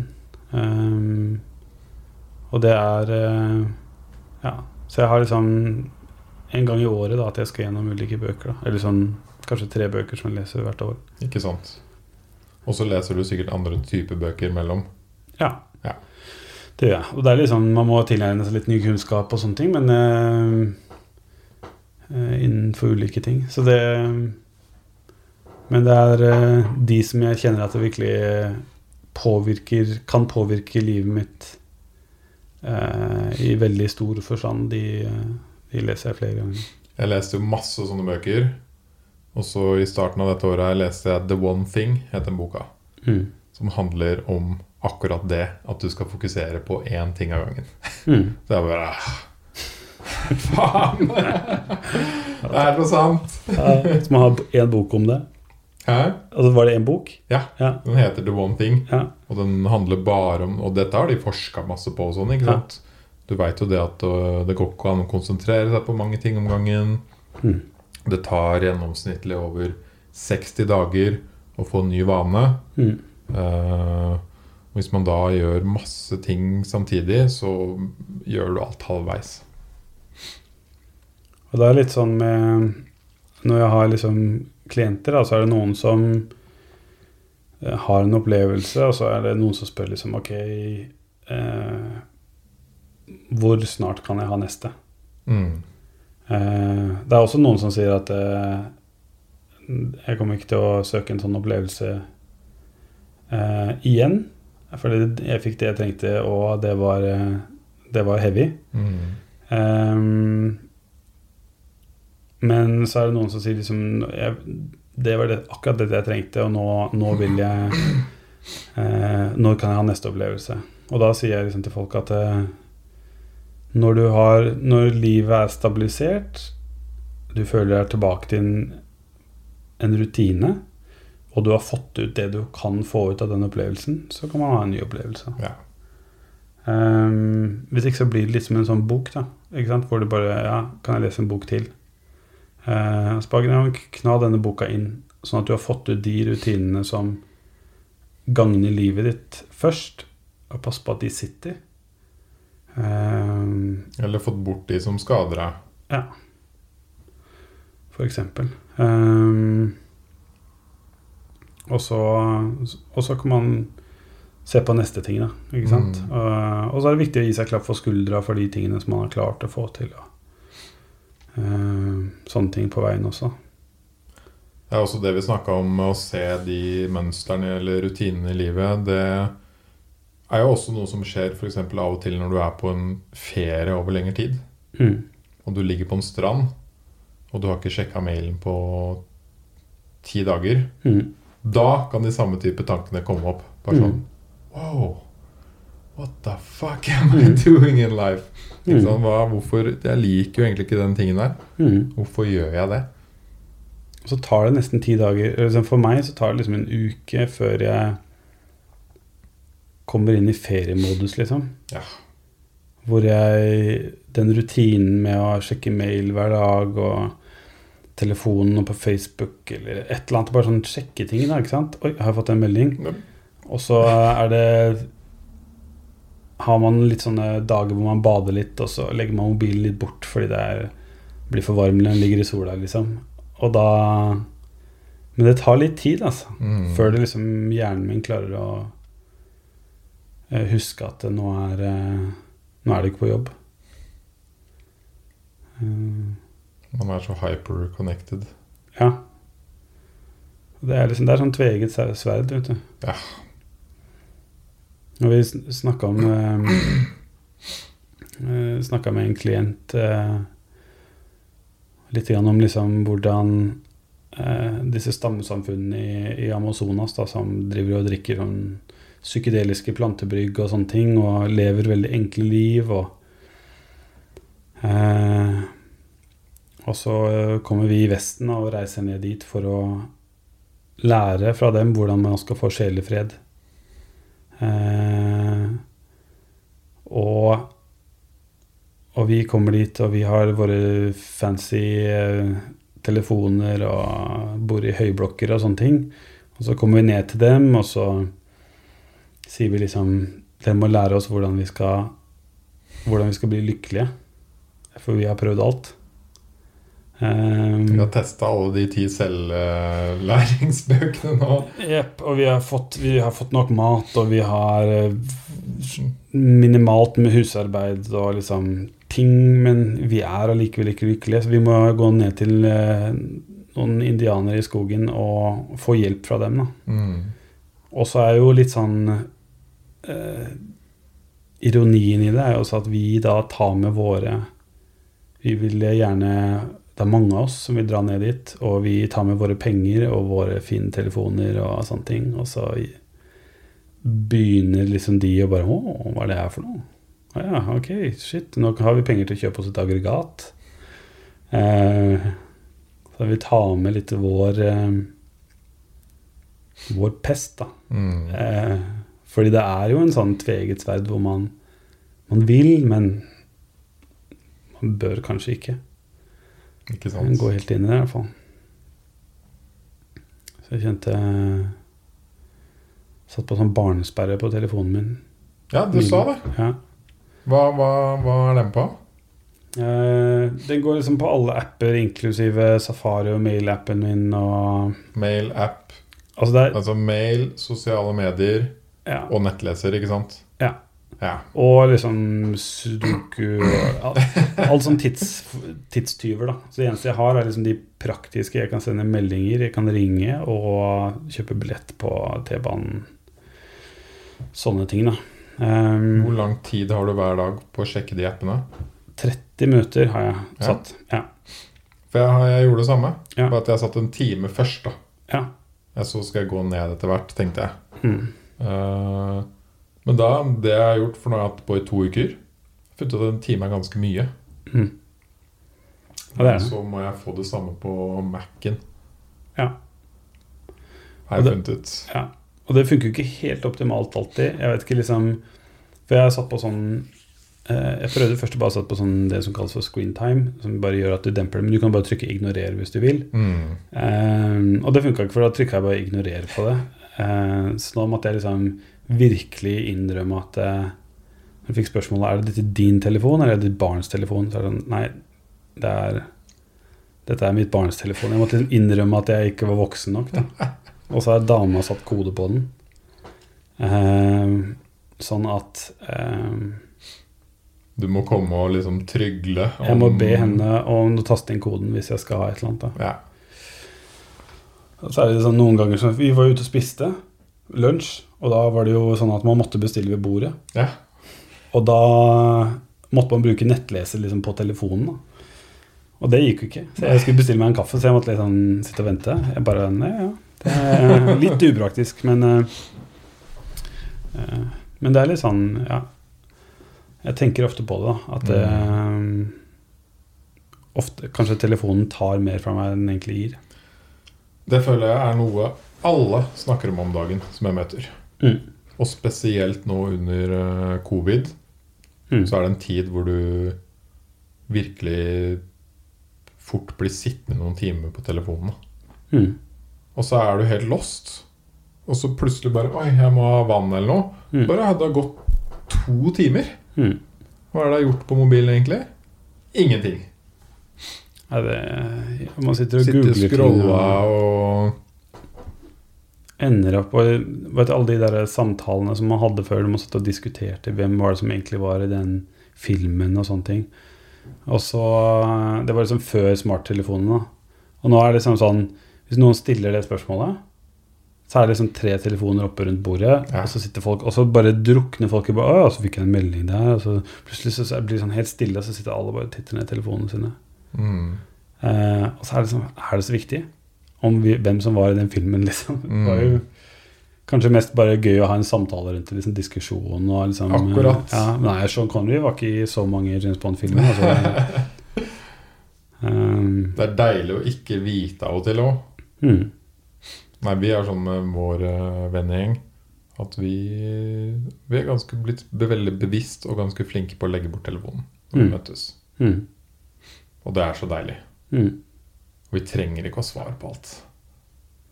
Og Nei, ting det- kan vente til i morgen. Mm. Jeg tror eh, det kan fint. Vi prøvde Det kom som et sånn forslag, men litt sånn fleipete da vi var på en hytte. At vi liksom Eller det var dama mi som sa Kan ikke bare alle legge telefonene sine her borte? Så var det en kompis som sa bare sånn Nei.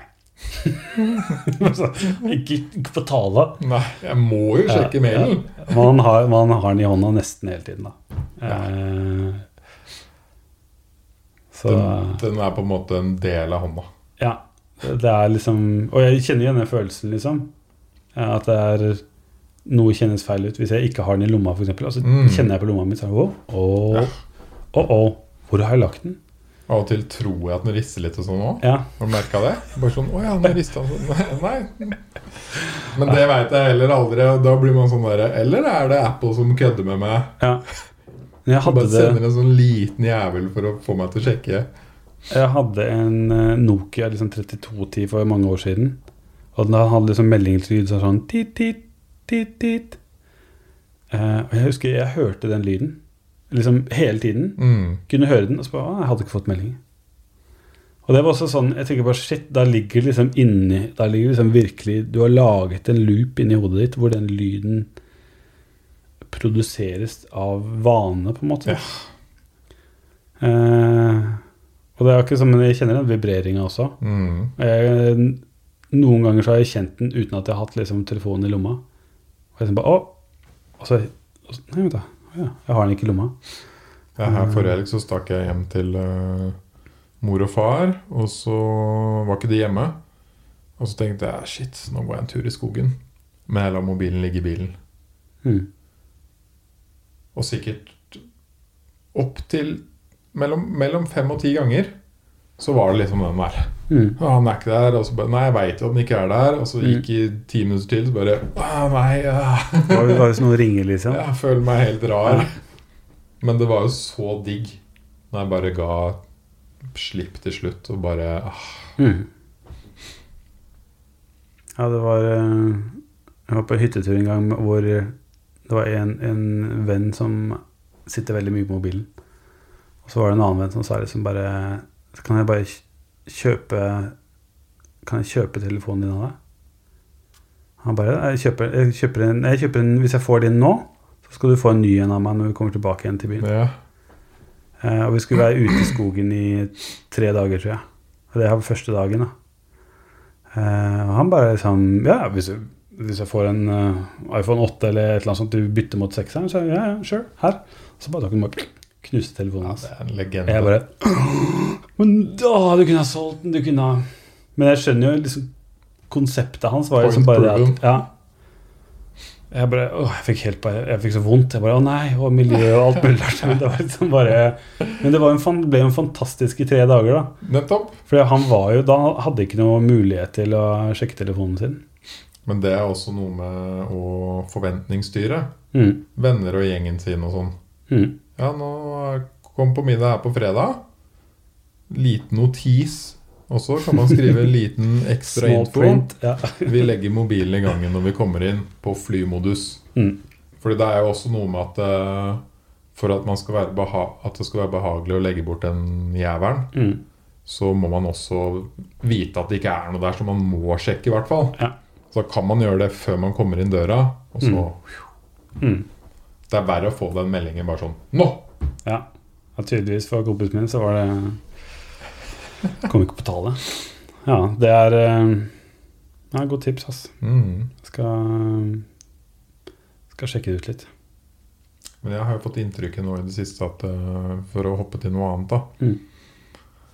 Egentlig øh, Venner som jeg ser på som veldig sterke og stabile, de har det ganske tungt nå. Folk har det ganske kjipt om dagen. Mm. Vi snakka litt om det før vi Ja. Når vi kom inn, hvor du spurte meg liksom hvordan jeg hadde det. og Så var det liksom, ja, litt, litt opp og ned. Mm. Ehm, og det er jo liksom Det er en veldig spesiell tid man er inne i. Mm. Ehm, og det er jo altså På en måte så er det som jeg er heldig, for jeg har samboer og jeg har barn, og barnehagen er åpen. Ehm, og jeg har en jobb som går relativt greit allikevel. Eh, og så har du folk som er liksom permittert, som bor alene. Mm. Og i noen av disse periodene hvor liksom du ikke kan ha mer enn fem mennesker på besøk, liksom sånne ting, så blir det liksom Det er folk som bare Hva skal jeg finne på, liksom? Eh, folk som har møtt vennene sine på en bar en jevnlig hva, Ok, så er den borte. Ja. Ja. Sosiale ja, liksom meditasjonsmøter eller en av de samlinger da, som er liksom verdt de for å få sin sosiale fill, og så, og så er den helt borte. Badstua på hjørnet, eller Ja, treningsstudio Ikke eller sant? eh, Så jeg skjønner liksom at det At det er en sånn rar og tøff periode å gå gjennom, da. Og når man spesielt, så har jeg merka, ikke så observant på det man er i. Man Mm. tror alt går bra, helt til knekken liksom kommer. Mm. Fordi Én ting veldig mange nå er, gjør nå, er å jobbe veldig mye. Mm. For du sitter hjemme alene foran skjermen hele dagen. ikke sant? Mm. Tar nesten ikke pauser. Og du har mulighet, liksom, fordi det er liksom Ja. ja. Og så spiser du middag, kommer kvelden, ser du på TV, og så er det liksom repeat. Mm. Dag etter dag etter dag. Og det føles jo som det går bra.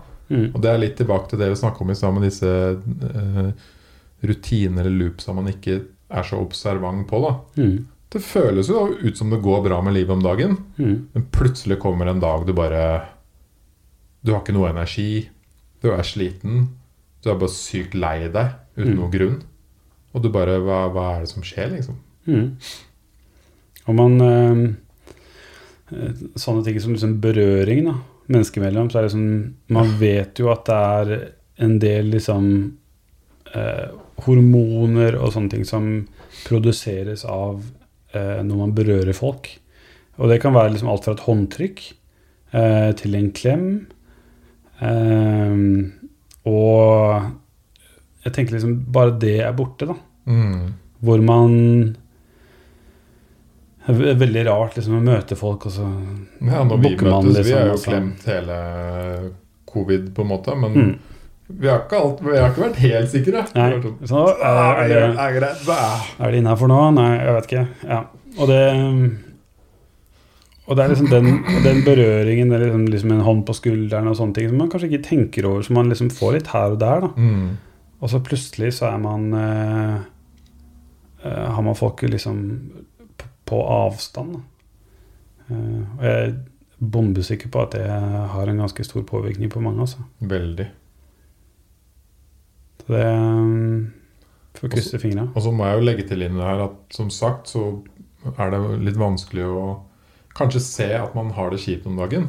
Mm. Fordi man fyller tiden sin med jobb og andre ting, ikke sant? Mm. Og så glemmer man å ta pauser.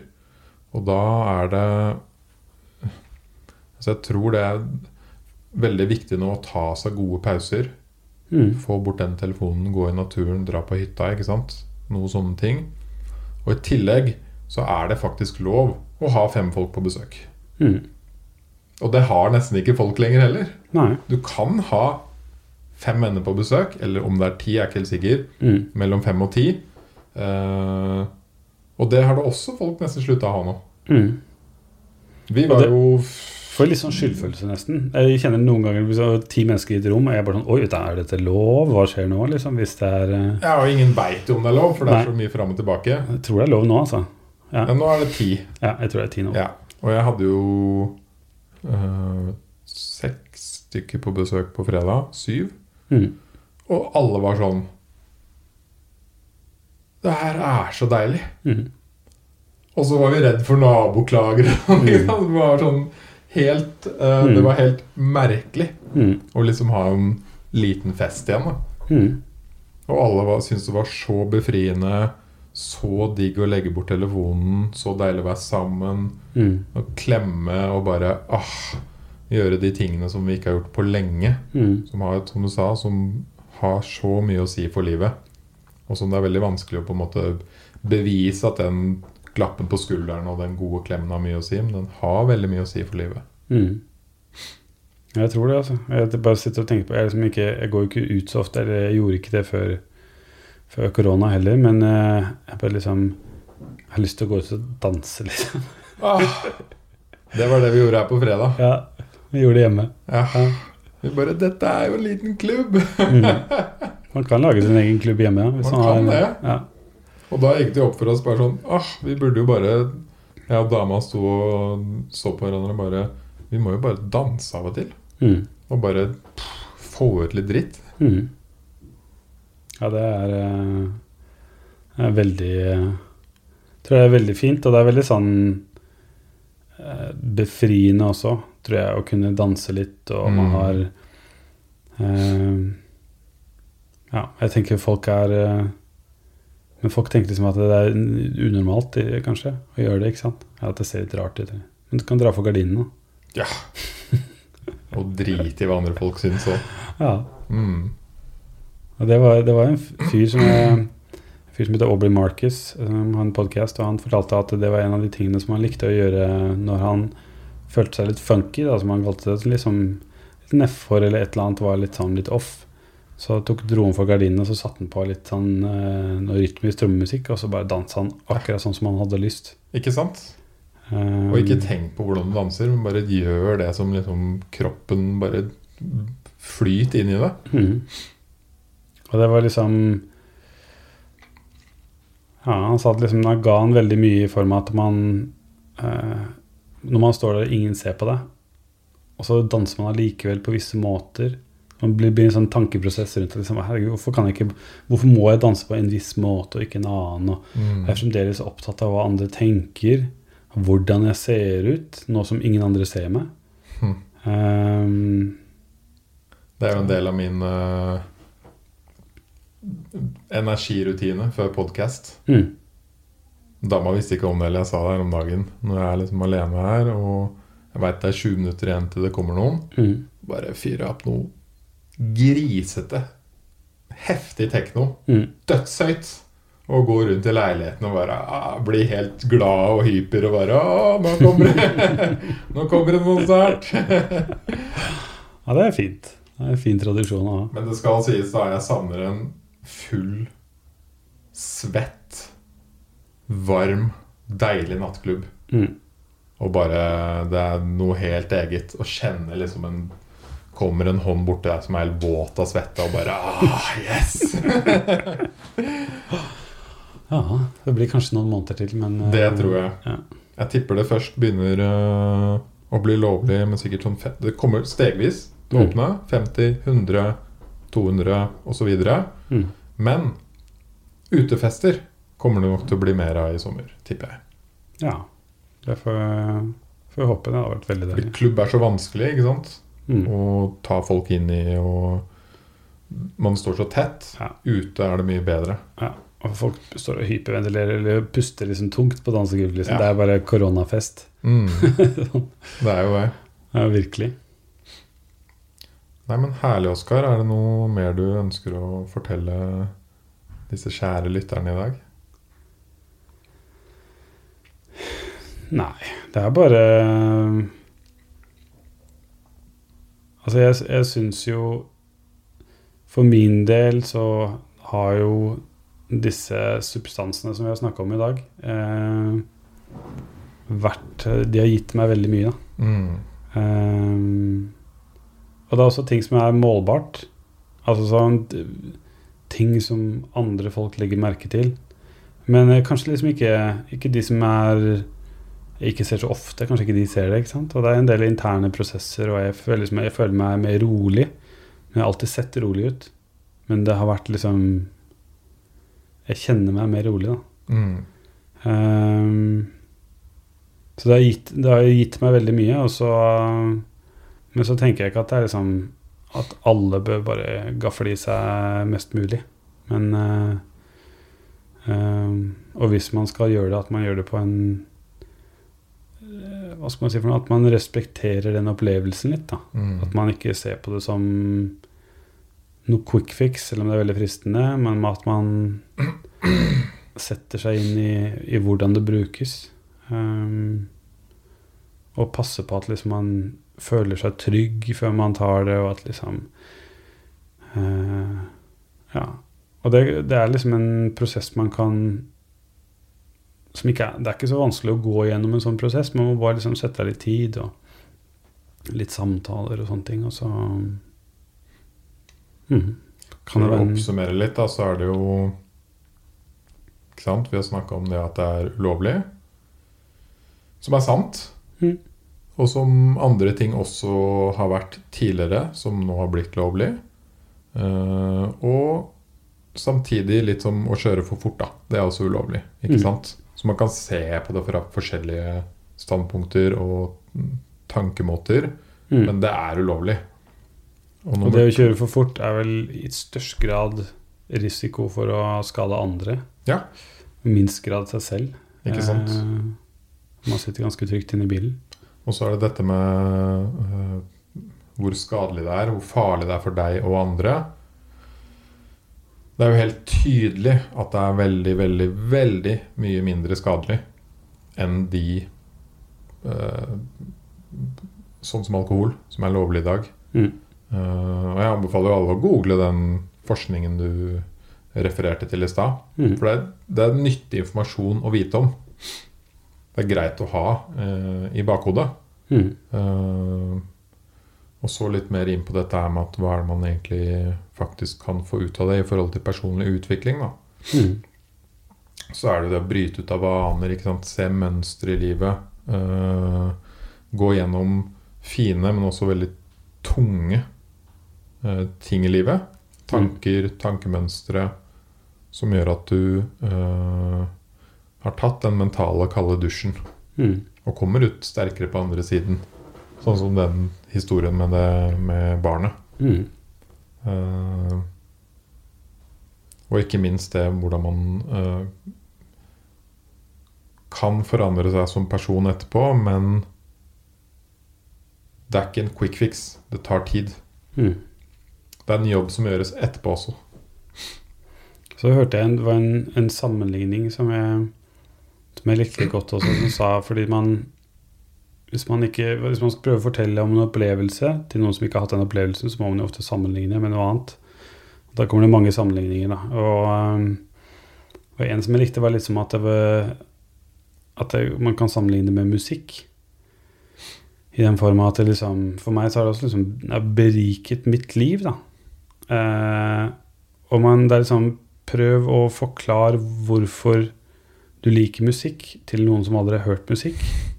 Det er et veldig vanskelig konsept å liksom kunne overføre som Ja, men hva gir det deg, liksom? Og så bare, ja, men det er Det liksom Det gir meg følelser.